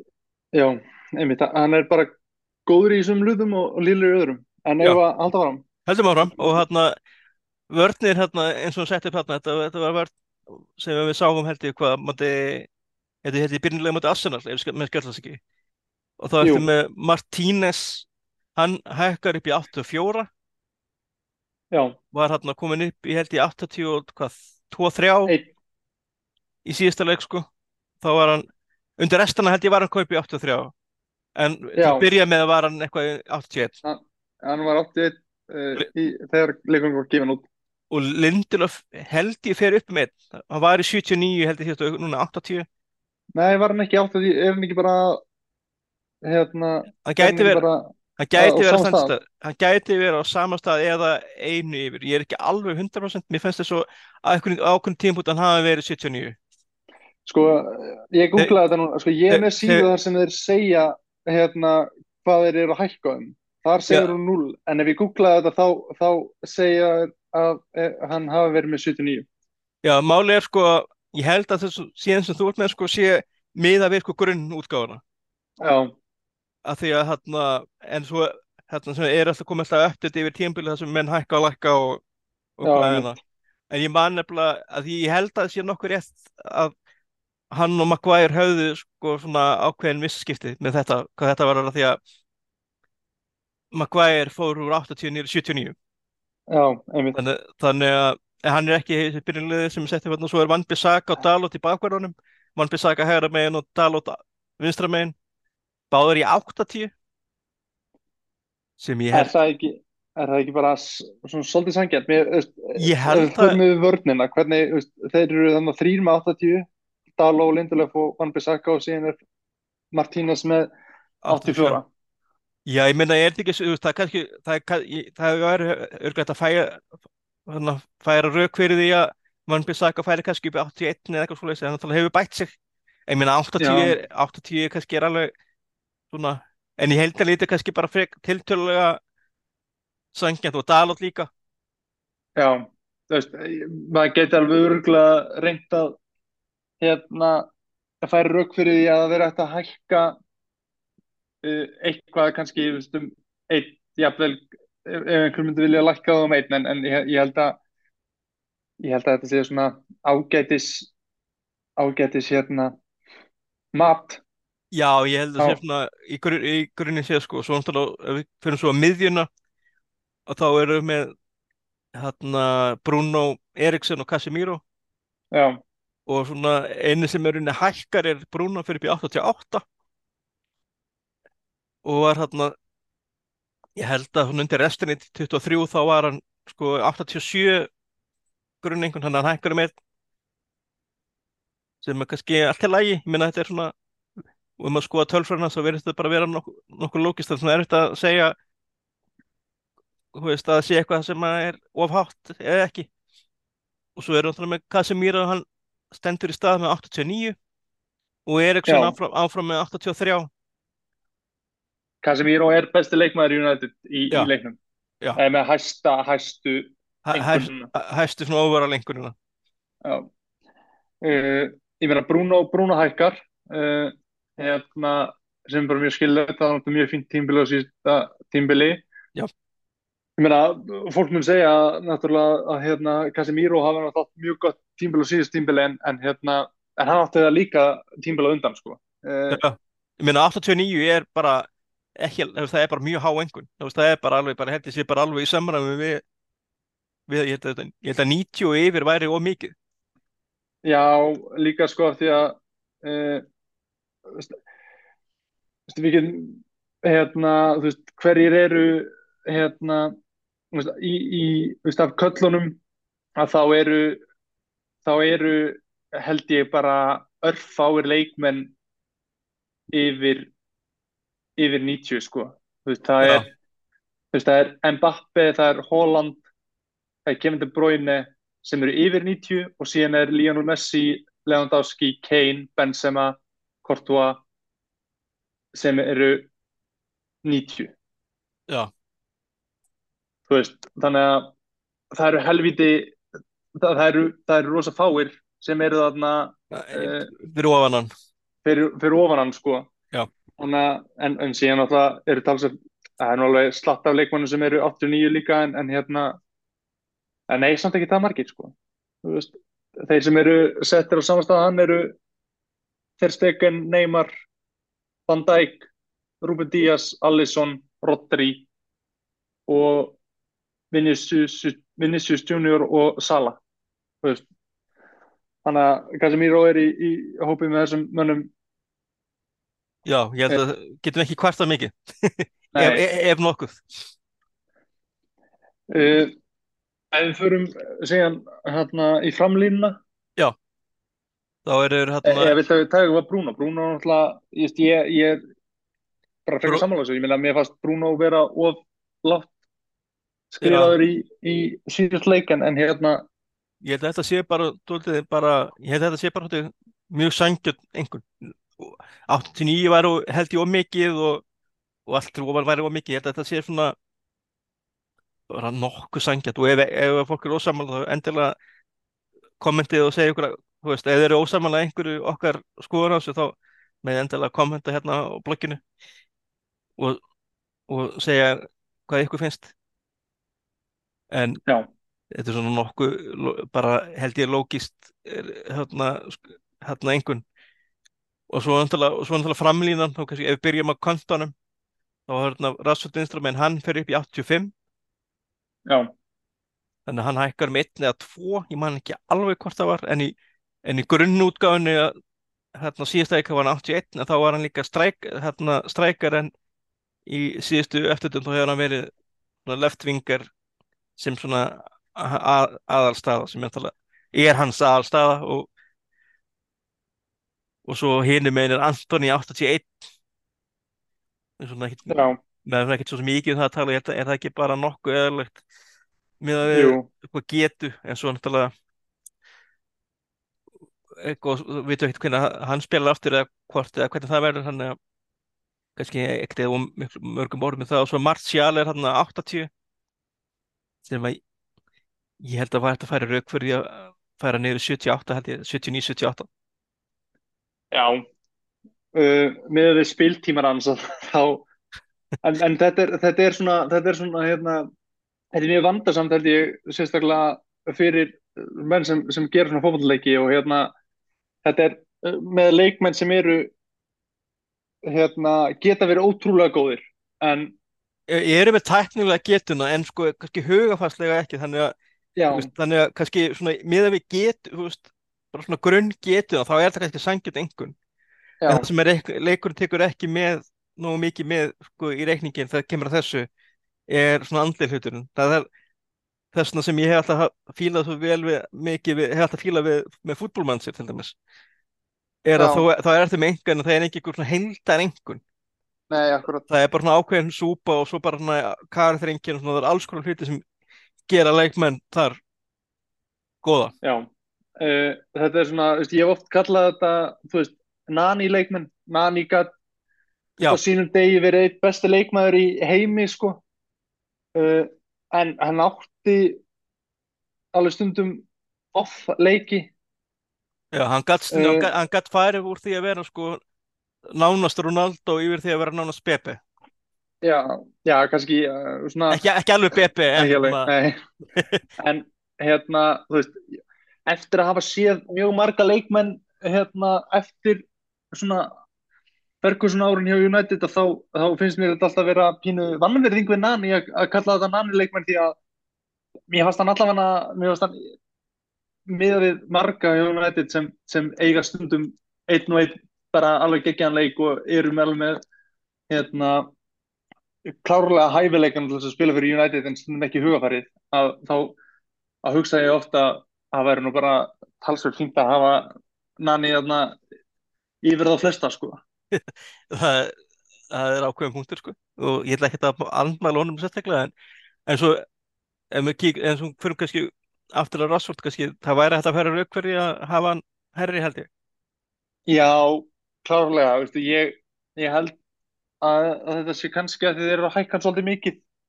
Já, það vil Eh. ekki fara of, of mikið en ég held, ég held að þú veist, 85, 86 væri þetta sangjant, þá var hann svipaður og Saka, mér finnst Saka ekki verið mikið betri leikmar heldur en Rashford.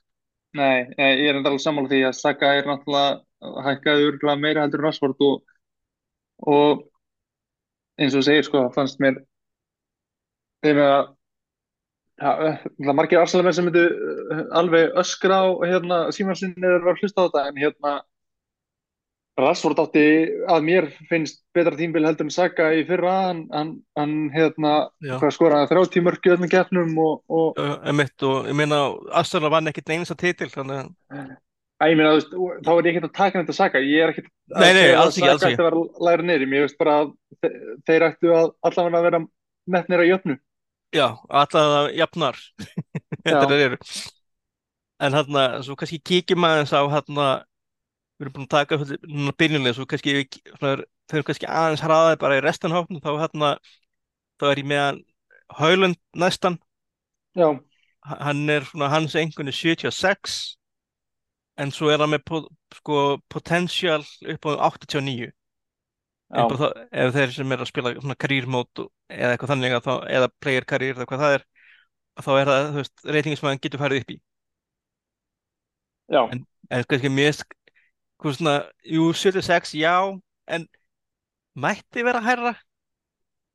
Það mætti alveg vera kannski ég myndi skilja að vera númurum mót, ég myndi ekki mótmæla þú veist, ég myndi ekki þú veist, ég, þú veist 78 kannski. Já, þetta sé ekki En- alveg kannski þú veist, mér finnst, það er alveg græpsamlegt sko ef þú spilar, þú veist, spilar karriérmót eins og ég, ég geri að ef þú spilar á móti United þá myndu sjá, mæta, þú veist, þá er bara Martial að byrja þetta leikja þegar hann er með herra overall rating, já, þá hins er tölver betur leikmar sko það sem, það sem ég, ég ætla að segja, veist, meina, þetta er kannski alveg, veist, kannski ekki eitt skrítið, ég meina, hann, hann er að koma rosa hratt inn á sjónusvið og hann, hann spilaði fyrir Atalanta í fyrra og, veist, hann skoraði ekkert ótrúlega mörg mörg og Nei, menn, verið- hvaðan sé orðin Reynda- strækur nummer eitt. reynda frábær hjá danska landsliður Já, hann hefur skorað helling þar. Eh, þannig að hérna, hann mætti alveg hérna, mögulega vera aðeins herri en en hann er að hækka, finnst- hann er að hækka um þrjá og, og potentially hjá hann er að hækka um 6 þannig að hann er alveg klárlega að fá uppgritt og ég meina þetta er eitthvað sem að ef hann, þú veist fylgir eftir góðri byrjun og fyrir að skora mörg og svona þá er þetta, þú veist, overall sem við erum eftir að sjá hækka held ég alveg klárlega. Já, já. En það sem, það sem ég finnst eiginlega vest hjá Rasmus Højlund er það að hann sko hérna hraðinn hans finnst mér að vera allt og lár. Já, hann er, hann er miklu hraðari heldur en leikurinn vil meina það sé.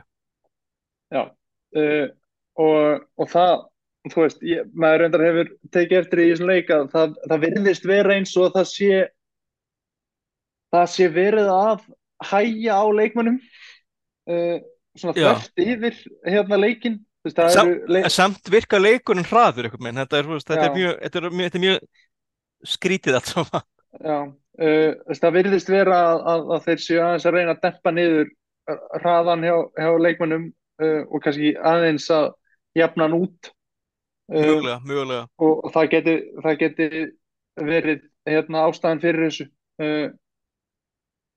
En, en já, það, það, það var það sem sló mig mest varandi Rasmus, Højlund sko. Að ég, ég held að hann yrði hraðari sko. En það kemur svona líkamlega, sko, það var með sko, 84 í strength og 88 í jumping. Ég held að það sé bara nokkuð fer. Ég veit ekki með strength hvort það geti hækkað eitthvað, en ég held að 84 er, er alveg þokkalegt, sko. En náttúrulega er Já. stórstrákur, sko. já, einmitt En- er en- en-? En eins og segið, þú veist, þetta er eitthvað sem að geti hækkað. Næstur á listunum er Alejandro Garnacho, sem eru 75, sem er finnst mjög lágt. já, hann mætti alveg vera Ég bara að hann, eins og hann mætti bara vera, svolítið bara, hann mætti vera svona hærri heldur hann er, hann er, þú veist, hann er með 75 og, og potential upp á 88, já, en þú, þú þið skoða mér, finnst það að hann mætti vera hraðari aðeins og, og hérna, mér finnst þarna sendningarnar og skotin hjá hann frekar svona tiltrúlega lág, en það er náttúrulega en, hérna, en þú veist, svo náttúrulega composure ratingi er 71, ég hugsa að það væri kannski sangjarnara ef að hæ- hækka finishing hjá honum og, og kannski sendingar en lækka composure og kannski bara aðeins á móti upp á ég held að, ég held að það myndi meika meira sens já. Uh, en ég meina en svona, þú veist hann er ekkert lélugur í leiknum. Þú veist, nei. 75 er lágt ég meina þú spilar hann, þú finnur alveg að að það er þægilegt að spila með hann. Já, þannig að það er líka sem síðan að spilar inn síðan er, er það náttúrulega alltaf þannig sko, að þó að leikmenn séu með hérna há, háa hérna heildarenguna þá þýðir það ekki endilega að það sé það er að spila með þeim í leiknum sko. Nei, eða hvort þeir passi inn í eins og þú vil spila leikin já, og það er einmitt nýtt sem er eh, fyrir því ykkur sem spila karriérmót er að þú byrjar með þú veist að veluru leikstíl. Já, og hérna og svo taktík sem passa við og svo reynir leikmar le, leikurinn hjálpar að finna að leita leikmyndur að kaupa að sem, þá sem passa inn í kerfi. Þannig að þú getur verið með þú veist ég meina þú segjum eins og með United með bara þú veist tökum bara Ronaldo passar ekki inn í kerfið. Meina hann er ennþá með hellinga hæfilingum og getu en hann passar ekki inn í kerfið þannig að hann veist fyrir annað. Þannig að það er svona breyting sem er svona færist nær fútbolmanager sem ég, mér finnst gaman að sjá. Sérstaklega að já, ég er svona karýrmót nörd að það sé ekki endilega bara þú veist, og byrjunlega bara með alla sem er með hæstu miðaling, heildarengunni í liðinu heldur meira hvernig þú vilt spila fó- leikinn en, en næstur í listanum er Sofjan Amrabat með 80 og potential upp á 83, hann er náttúrulega 26 ára. Þannig að það kannski er ekkit óskiljanleg. Einhvern, ég held að sé, þú veist, ég meina, ég er það ekki bara, er það ekki bara frekar sækvæmt einhvern, ég jú, svona þannig segir mér að það, þeir hefðu kannski geta haft hann aðeins hærri bara út frá framistöðunum á heimsmyndstra en já en, en hann, er að, hann er að hækka núna frá ég hvað, einn eða tvo eða eitthvað slags já. Hann, hann mun hækka í næsta leik ha- hann mun standa sig vel á þessu tímbili og hérna en, en ég hef ekkert mikið að segja um, um ég, ég hef náttúrulega eiginlega ekkert síðan nema heimsmyndstra sko og síðan Nei, í og í, þessum í þessum leikjum tveim. Já, hérna, þannig að ég, ég veit ekki alveg hérna hvort að maður ætla að fara að rífa um það hvort hann eigi þetta skilið eða ekki ég get ekki fara að ljúga því hlustum að ég hef verið að lindur við skjáin að horfa fjörum tínanleiki á síðust tímbili nei, og ekki heldur. Ég, hérna, ég held að það sé það var mjög óheiðalegt að reyna að halda öðru fram. Scott en McTominay hann er hann næstur. er, uh, hann er með 79 já, uh, og potential upp á við 82 erum ekki að missa hann er að missa held ég overall held ég um einn. Ég man í síðasta leik ef þú spilar honum sem CTM já, en ef þú breytir honum í bara CM já, og þá fór hann í 78 en þannig að ég held að það sem sé búið að breyta mest sko sé potential, held sé bara lækka potential hjá honum. Já, Ný- ný- þú veist, en sem make a sense náttúrulega með þetta sem að menn eldast og eru ekki að taka stórstökk og þá er náttúrulega að lækka potential í leiknum líka bara þú veist, hann er 26 ára eins og Amrabat og það er potential upp á þrjá. Það sé ekki svona basic en ef þú spila career mode þá er náttúrulega líka til í leiknum. Þetta er svona dynamic potential. Sem þýðir ef að leikurinn er, að- er að spila mikið og ert að þjálfa rétt og þá geta þær hækkað tölvöld meira heldur en þetta segir til um. En ég held að þetta sé en bara nokkuð fer með sko varamann. já, og fram í stöðun hans á síðust tímbili sko, En, að en, en ef þetta væri skott með taminni leikmann skorskala landslæsins þá var maður til í að 80 pluss.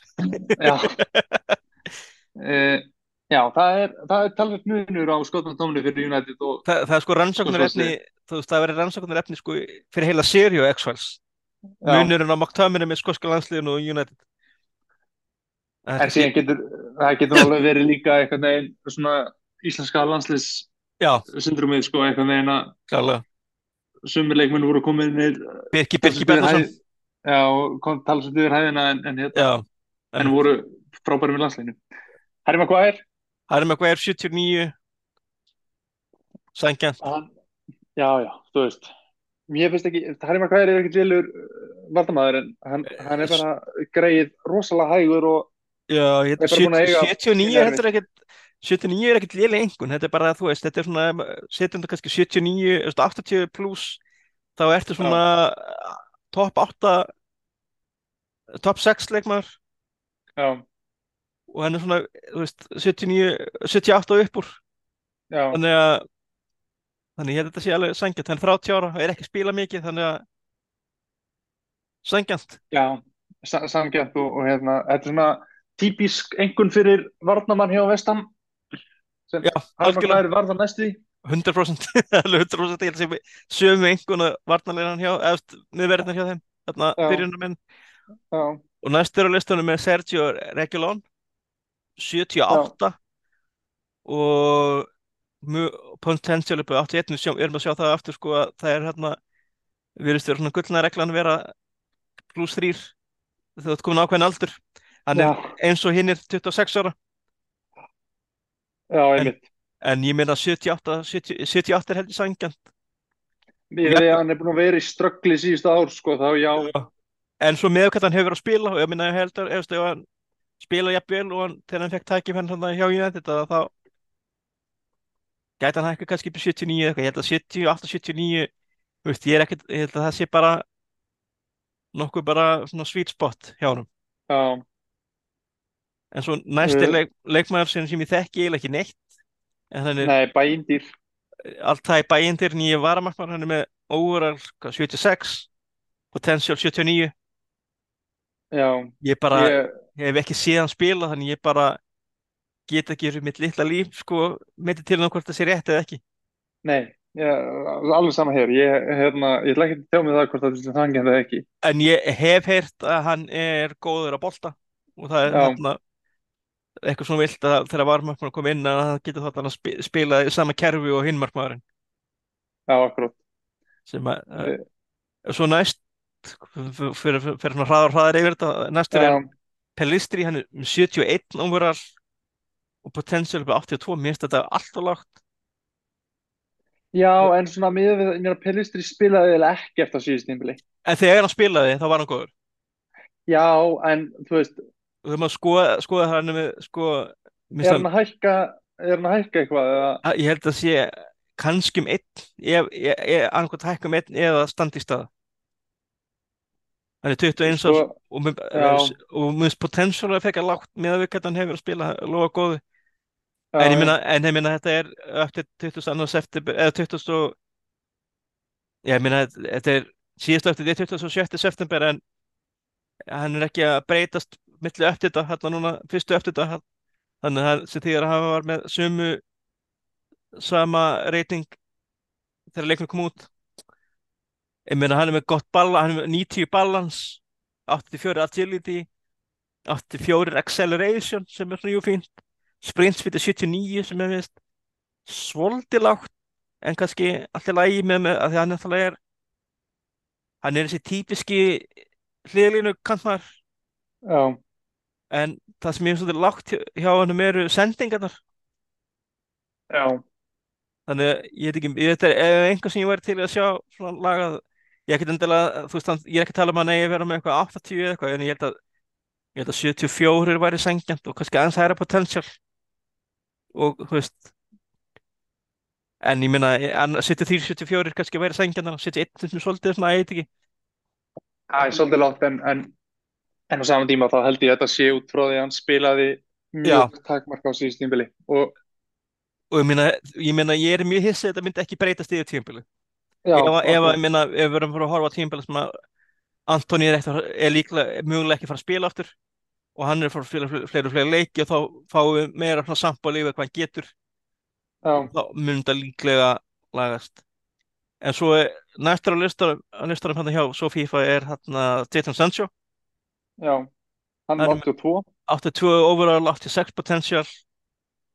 Svo er ekkert mikið það aftur og ég meina, ég meina hann hefur hæfileika en hu- ekki hugafærið já, þannig að ekki. þetta er þetta er bara svona, þú veist, e- ef hann, ef hann heldur áfram sömu leið og hann, þú veist, verðist alltaf einhvern veginn að þá fer þetta bara að verða svolítið eins og Anthony Martial, sko, einhvern veginn, þetta lækkar alltaf svona smá og smá með tíu og tíma þó að allir viti að hann hafi hafileikana þá sýnir hann þá alltaf minna minna. Já, ég, sko, ef maður skoða tölfræðina hjá honum þá er hann já, alltaf lagi Axel, svona acceleration 75 sprint fyrir sér fínt, hann er ekki ekkert sérstaklega fljótur eða ekkert sérstaklega hraður. Og Nei. en hann hefur ágætið svona svona fimur og gott jafnvæg svo sem en, en þetta er svona ákveðin hluti sem að ef maður skoðar eins og hérna mentality, mér finnst það jafnvel vera hátt sko.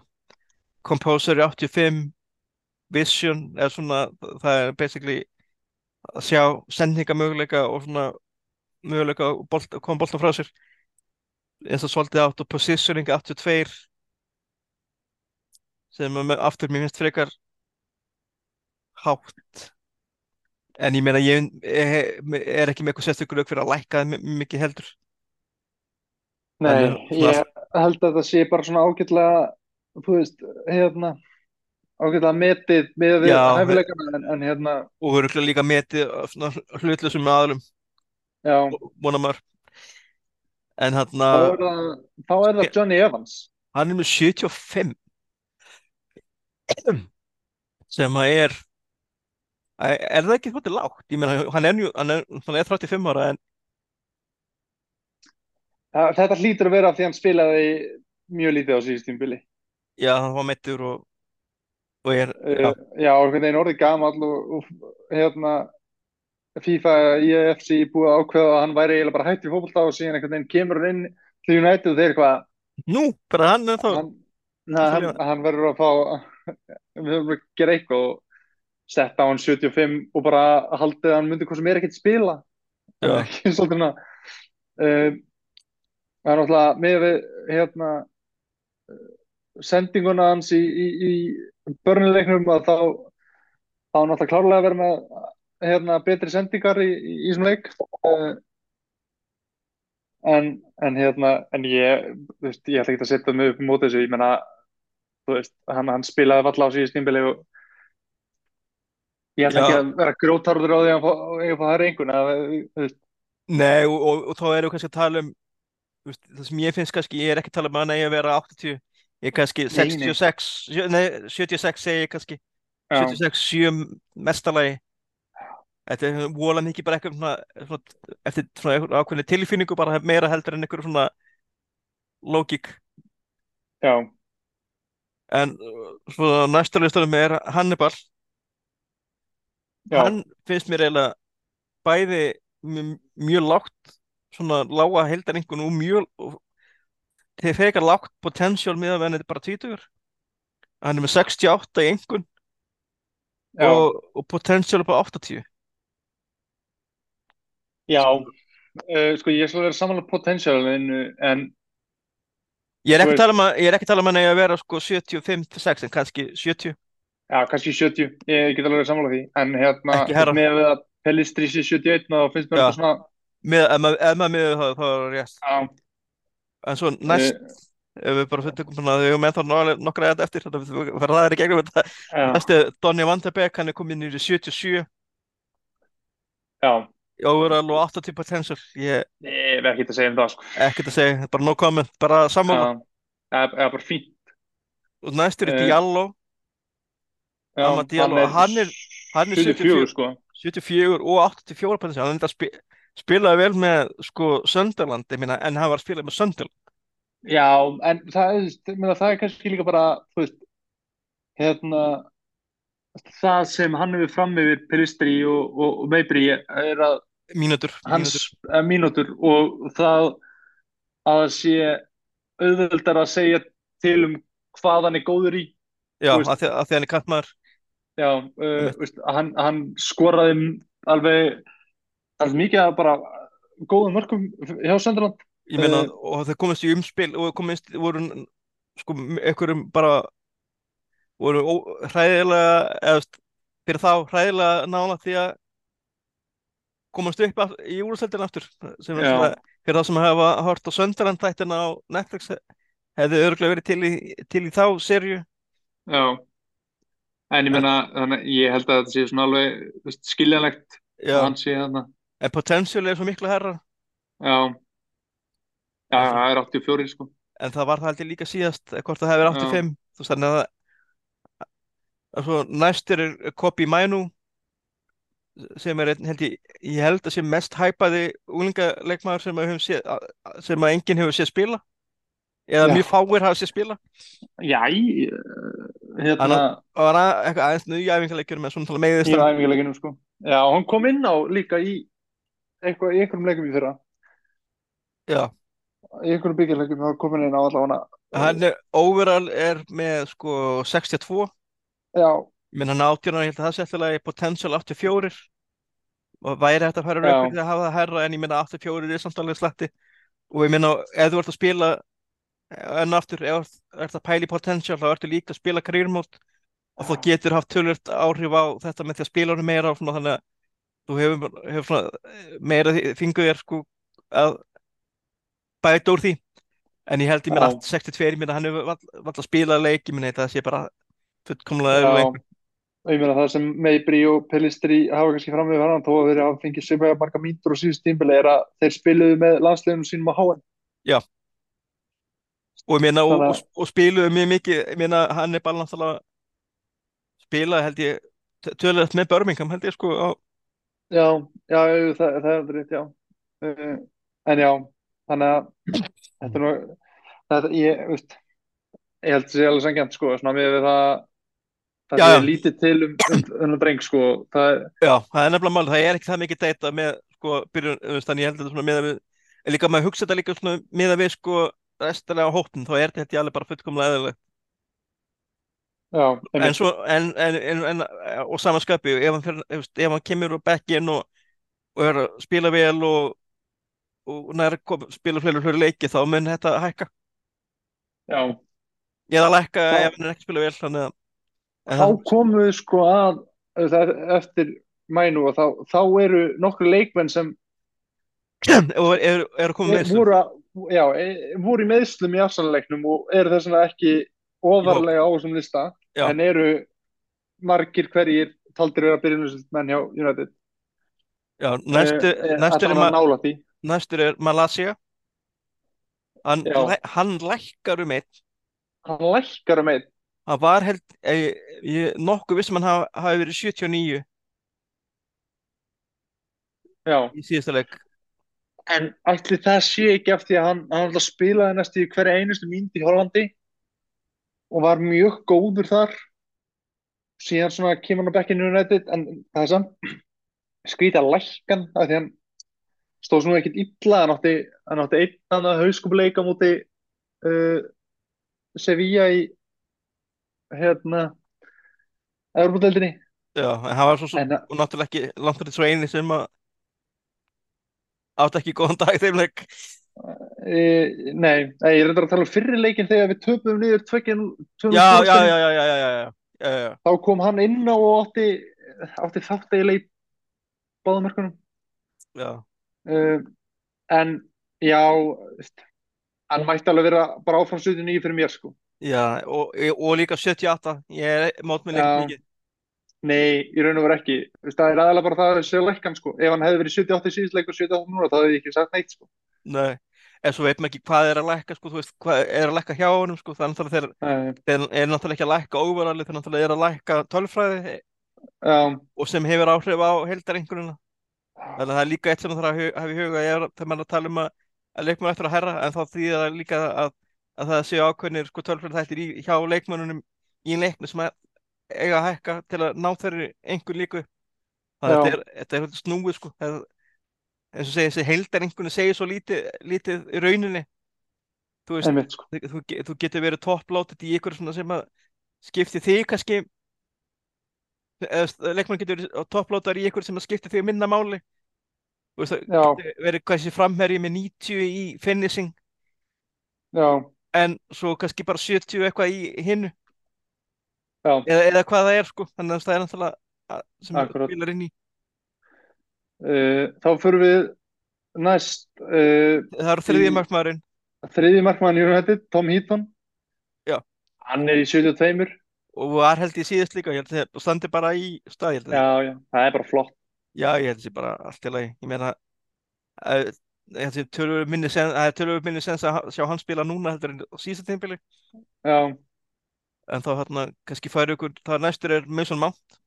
já, Hann er í 80, hann stendur í stað í 81, en ef mér skemmt þess ekki, þá var hann 84 sko þegar síðasta, síðasta leikur kom út, þannig að hann lækkaði yfir tímabili um þrá og er í 81 já, með potential upp 84 sem mér finnst frekar lágt. Ég meina, þetta er ennsku leikmaður, landsinsmaður. já. Vandamál hjá honum var ekki að hann lélugur í fótbolta. Hann lækkaði ekki að því að hann var lélugur Nei, hann bara meittur allt tímbilið í raun og veru sko. Þannig að ég Og- ekki, þetta er kannski eitthvað sem munum kannski, ég minna ef hann heldur á eins og segi, þetta er ekkert Ég ske, meina- þetta er ekkert skelfileg lengun en ég Nei, mætti vera herri hún mætti vera hærri sko. Það væri hægt að fara rauk með 82 overall kannski. Já, en ég held svona Og að þetta leikmenn þenni, séu síðustu tímbili hafi lækkað sko. Það er það sem er að býta hann sko. En það, það sem ég finnst skrítið hann er 24 ára en bara með potential upp í 84 já, mann man finnst alveg að það mann finnst það skrítið. Já, já, svo sem. En ég meina, við erum að sjá aftur hérna, pluss þrýr, hérna, þetta er bara standard potential hjá leikmennum 20 og hvað, þri- eða 33 fjara upp úr. Nema, sig eitthvað svona spesdæmi. En svo er það Varan Já, hann er besti varnamæður United. Já, hann er 85 og er áfram 85, ég, hann var 85 síðast. Já, og hvorki hækkan í lekkar 30 ára, ég meina er þetta ekki bara nokkuð? Þetta er bara ég fer held að það sé, jú, hann er þú veist uh, þetta, þetta er þetta 80, þú veist, allt 84 og yfir er allt mjög góðar engunir og ég, Já. ég er reynda hættur að spila karriérmót og spila eiginlega bara Ultimate Team. Já. og þar er hérna, það er, það er 84 einhvern veginn svona hálgert uh, svona, svona staksteinn í raun og veru hérna, fyrir fyrir hérna leikmenn sem þú setur í pakka til þess að, eða til þess að gera svona hérna squad building challenges það heitir. Að, að þá eru er ótrúlega oft þar sem þú þarft að, þá er cut-offið oft til þess að gera pakka með, með hérna svona, svona stærri pakka þá hérna uh, þá þarftu að leikmenn sem eru 84 og, og hærra eða, eða hérna eða þú ert að hérna ná einhver ákveðinu heildar engun á, á þeim hérna því liði sem þú sendir inn og, og þá færðu hérna einhver verðlun í staðinn og þá, þá er svona 84 og yfir yfirleitt svona leikmennir sem þú reynir að halda í til þess að eiga til þess að setja í svona hérna húsluspil eins og þetta er Já, emitt, emitt. þannig að alltaf þegar ég sé leikmenn sem er 84 eða yfir þá, þá, þá finnst mér alltaf að vera mjög góð einhver bara út frá því að, að þá geti ég notað henni í, í, í, í svona uh, þraut Emitt. Og hérna næstur er svo Sjálfur Lúksjó hann hækkar um einn eða tvo, allavega einn. Og er upp í Já. átt- 83 sem er þá bæ, hann er 27 ára hérna og verða 28 ára, hann er sennilega hann er 95 eða ekki? Jú, þannig að fyrir já 27, 28 ára til 83 þá ertu ekki, þá er ertu svona ákveðnum svona pík einmitt sko maður mætti alveg veist, einum hærra í potensial en, en hérna. Æ, já, ég minna, aftur þrýr er alveg fínt, hann er samt sko langbesti vinstri bakkunni í liðinu með, með, þú veist, Já. með þess einhvern þannig að ég er bara hana, þetta er nokkuð gott held ég bara.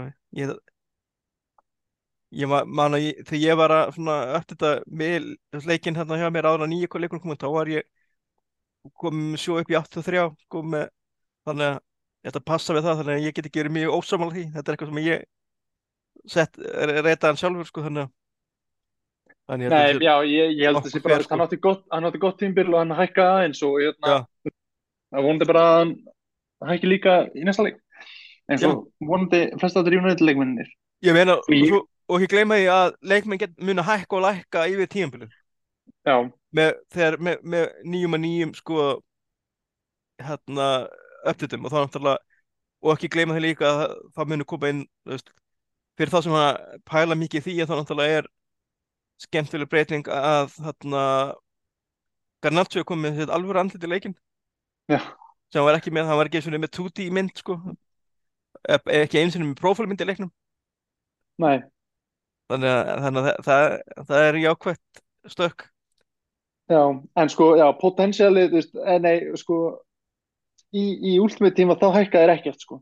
Nei, þá ertu bara með leikmenn Já, þeir, þeir hækka ekkert yfir tímbilið en veist, þeir geta fengið eitthvað svona sérstök spjöld þar sem þeir fá, einhvern eins og, eins og hérna, ef, ef þeir eru liði vikunar eða liði mána, eða, leikmaður mánaðarins eða, Já, þá fáið fáið búst já, uh, og hérna, og þá getur þú átt, átt þessi spjöld og, og hérna, spilað með þeim og, þetta er alltaf komið í eitthvað klessu undir lokin þegar þú ert að spila, hérna, veist, FIFA eða EFC, þeir að má gefa þeim það, þeir, þeim, þeim tekst að gera ótrú, þetta ótrúðs hlutir í hug eins og, eins og hérna, eins og spjöldin sem er kallað shapeshifters þar sem leikmenn eru settir í aðra stöður og Harry Maguire átti spjald þar sem hann var framherji og hérna var með 94 í heildarengun og eitthvað það, og hérna maður verður ekkert eðlilega pyrraður þegar, þegar hérna, það er einhver með Harry, nei, hérna, Harry Maguire og, og,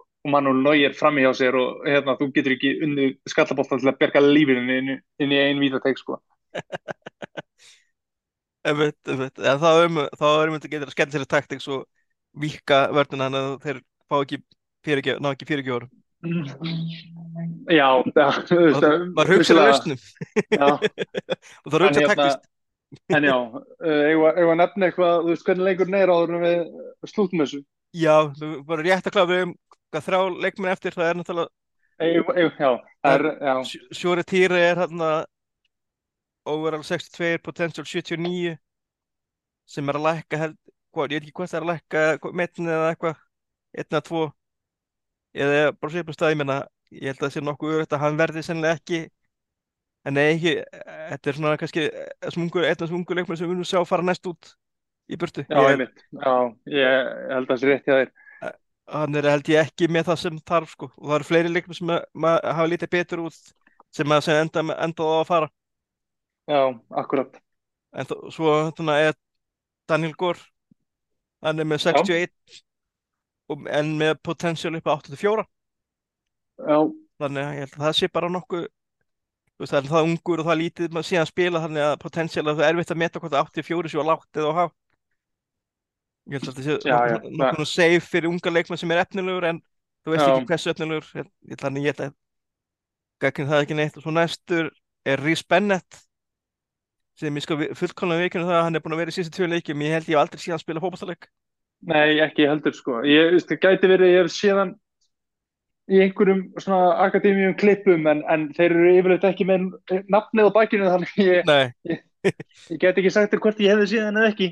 Nei og hann er með overall, sama overall og gór en hann er, er, er miðvörur og Já, potential 78 ég bara, eins og ég, þekkir ekki neitt nógu, ekki, alls ekki nógu mikið til að geta dæmt við það.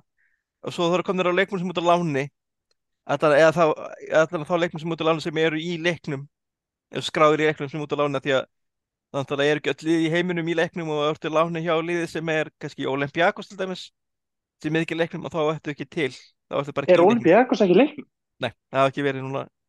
Þeir eru með PAOK, þeir eru með AEK Panathinaikos en þeir eru Já, ekki þeir, þeir eru alltaf ekki með grísku deildina, þeir eru bara með hérna og, en Olympiakos já, er, er sennilega eitt stærsti þarna í Greiklandi hann er ekki búin í leiknum í svona tíma nei, er það að þeir eru ekki í Európa-keppnum? þeir eru í Evropakefnum það er það, það, það sem gerir það mjög, gerir það mjög weird. En, alltaf, en það, það er bara eins og er, það hefur mest áhrif á Nottingham Forest sem eiga sama eigendur eru sem eiga, sama eigandi. Og þeir eru ofta, eru, eru ofta fara með leikmenn í Olympiakos þá hverfa þeir bara úr, leiknum. Já, já, en, þarna, en það, sem- þeir sem eru á láni hjá okkur eru, það er Alvaro Fernandes já, og hann er hérna með 70 overall sem er, ég veit ekki hvað sé lágt eða lágt en að tala um það sem mikið efni potential 82 já, Þa- þannig að því basically það er orðið í mode og hann gæti orðið fínn varamæður eða þú gæti líka alveg bara selt hann aðeins að missa svefn held ég. Og svo er það Charlie næstur er Charlie McNeil sem er annað tíma í raun núna út, útlæðinni 61 overall striker potential 78 og, og, ólíklegt að hann verði munir nokkuð tíma verð, spila eitthvað. Eða verði, verði, verði eitthvað leikmann hjá okkur svo er það Will Fish. Sem, er, ég, sem ég held að sé nú tiltúlega efnilegu varnamær hann er er með overall 68 en potential 78 já, þannig að það sem er kannski það gæti kannski mögulega verið herra. En náttúrulega þú veist ég held hann hafi átt ágætis undirbúinistempil og svo næst er hérna hérna eru, svo, eru Brandon Williams sem er, að lána í Ipswich hann er ekki að byrja alltaf vel þar. Nei, ég reyndar, sko, ég, núna vinn ég með formanni Ipswich klúbsins já, á Íslandi. Hann er, hann er farin að mildast aðeins í garð Brandon Williams. hann kannski bara verið styrður í fyrsta leik Já, já, fyrstu tveimur leikjunum. Hann já, kom að inn á átti sög á að þær mistu leikin er í aftefli og síðan byrjaði hann næsta leik eftir það og hann skoraði sjálfsmarka á annari mín. já Uh, en, en hann, svona, hann, hann er farin að tala um það að hann er, svona, hann er orðin þetta er að, fara í rétt átt hjá honum allavega það er kannski ég er erfitt með að við hróðalega byrjun.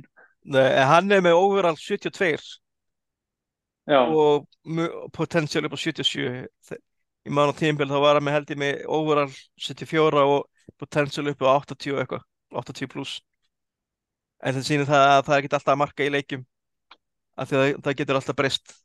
Já, eins og bara í heimsbóltanum svo náttúrulega og svo náttúrulega síðasti leikmann sem er út á láni er Mason Greenwood og Hetafe overall 75 potential 85 mér langar svo lítið að mér langar ekki að tala um hann einhvern veginn en þetta, nei, nei, en þetta er það sem ég er ég hef ekki sérska já, skoðun á þessu.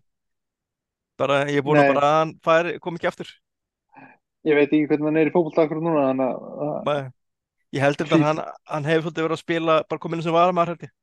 Já, já þá, þá er þetta yfirferðin yfir hérna, Þetta- Það var yfirferðin á hófnum í United lokið og já, ef þeir eru ennþá að hlusta hérna þið þrýr hérna sem við hafi áhuga á að hlusta á okkur tala um þetta þá bara þakku kærlega fyrir að endast. Já, en hérna en við munum örgulega taka einhverja FIFA umræðu eða næsta það kemur, kemur, kemur eitthvað gott update á eitthvað eða eða landslækjalli og landsleikjalli og, og, og, og þunni vika, breytta vika þá já, aldrei vita nema við tökum stöðun á ultimate tíminu hjá Raka.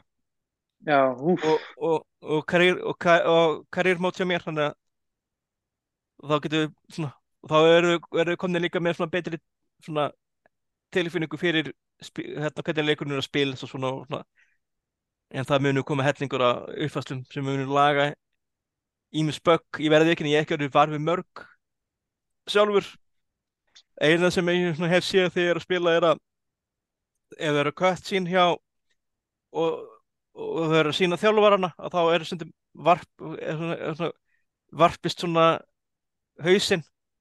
Það er svona einhver öldugangur í kollunum, það var mjög fyndið að sjá Rói Holtsson með hérna, hérna fór hérna með, með því að vera með höllin hausinn var hérna tegist upp til hægri og, og svo til vinstri og svo hérna jafnaði staðans út en þetta er örgulega, geti verið ykkur ný grafíkvél eða eitthvað sem það er að er að það fínpúsa ég hef ekki Einmitt. og sumir hafa lent í ósynur og leikmönnum og einhverju svoleiðis, ég hef ekki lent í því ennþá. Nei, en hérna, en ég vil segja það er alltaf reglulegu liður í, í þessum leikjum að, já. Það er náttúrulega sem að, þú veist, það er erfitt að búið til töluleiki og líka þegar að, þú veist, þú getur það er svo erfitt alltaf að gera ráð fyrir miljón hlutum sem að þú veist ekki hvernig minu, þú veist, sem bara kem, kom ekki ljós fyrir að leikurinn fer í víða spilun þannig að en, en ég verð að segja svona bara svona yfir heldan lítið þá er ég bara svona spenntur fyrir að spila næðans og ég þetta sé nokkuð við talum ekki um líka ef að svona, leikstílar og svona það eh, sé að fara að ski- skipta meira og meira máli. Og þá verður þetta, þá verður þetta bara betri fótbolti. Og það er það sem við viljum. En þáttinu er ekki lengri þessi, þessa vikuna, hann var lengri heldur við ætluðum en þetta var gott spjall það var gott spjall og hann Fyrir við það- já, það kemur í ljós hvað hópurinn er þetta stóra hérna. Já. uh, og e- eða koma e- margir eða koma höllingar komendum í guðuna bænum hægt að tala um heldur tölvuleiki og þá tökum við til skora þá verðum við kannski bara með svona auka þá já, svona 10, 20 minna þátt svona mánalega sem fólk getur sleppt. Sem fólk getur sleppt. Á þess að vissar einu sem skiptir máli. Og að tala um fótbolti sé það mikilvægast öllu sem, sem öllu svona ómikilvæga, ómikilvæga og, og það, veist, og það er þetta dálkaði þannig að fí, við FIFA eða FC24 að sé, það sé svona það mikilvægast að því mikilvægast að því ómikilvægast þannig að er svona, kannski ennþá meira svona nýs hópur einmitt. En hérna ég er bara að rækja takk fyrir spjallið. Já, takk sem leiðis og, og ef ekkert óvænt kemur upp á þá verðum við með ykkur aftur í næstu viku. Algjörlega. Já, bye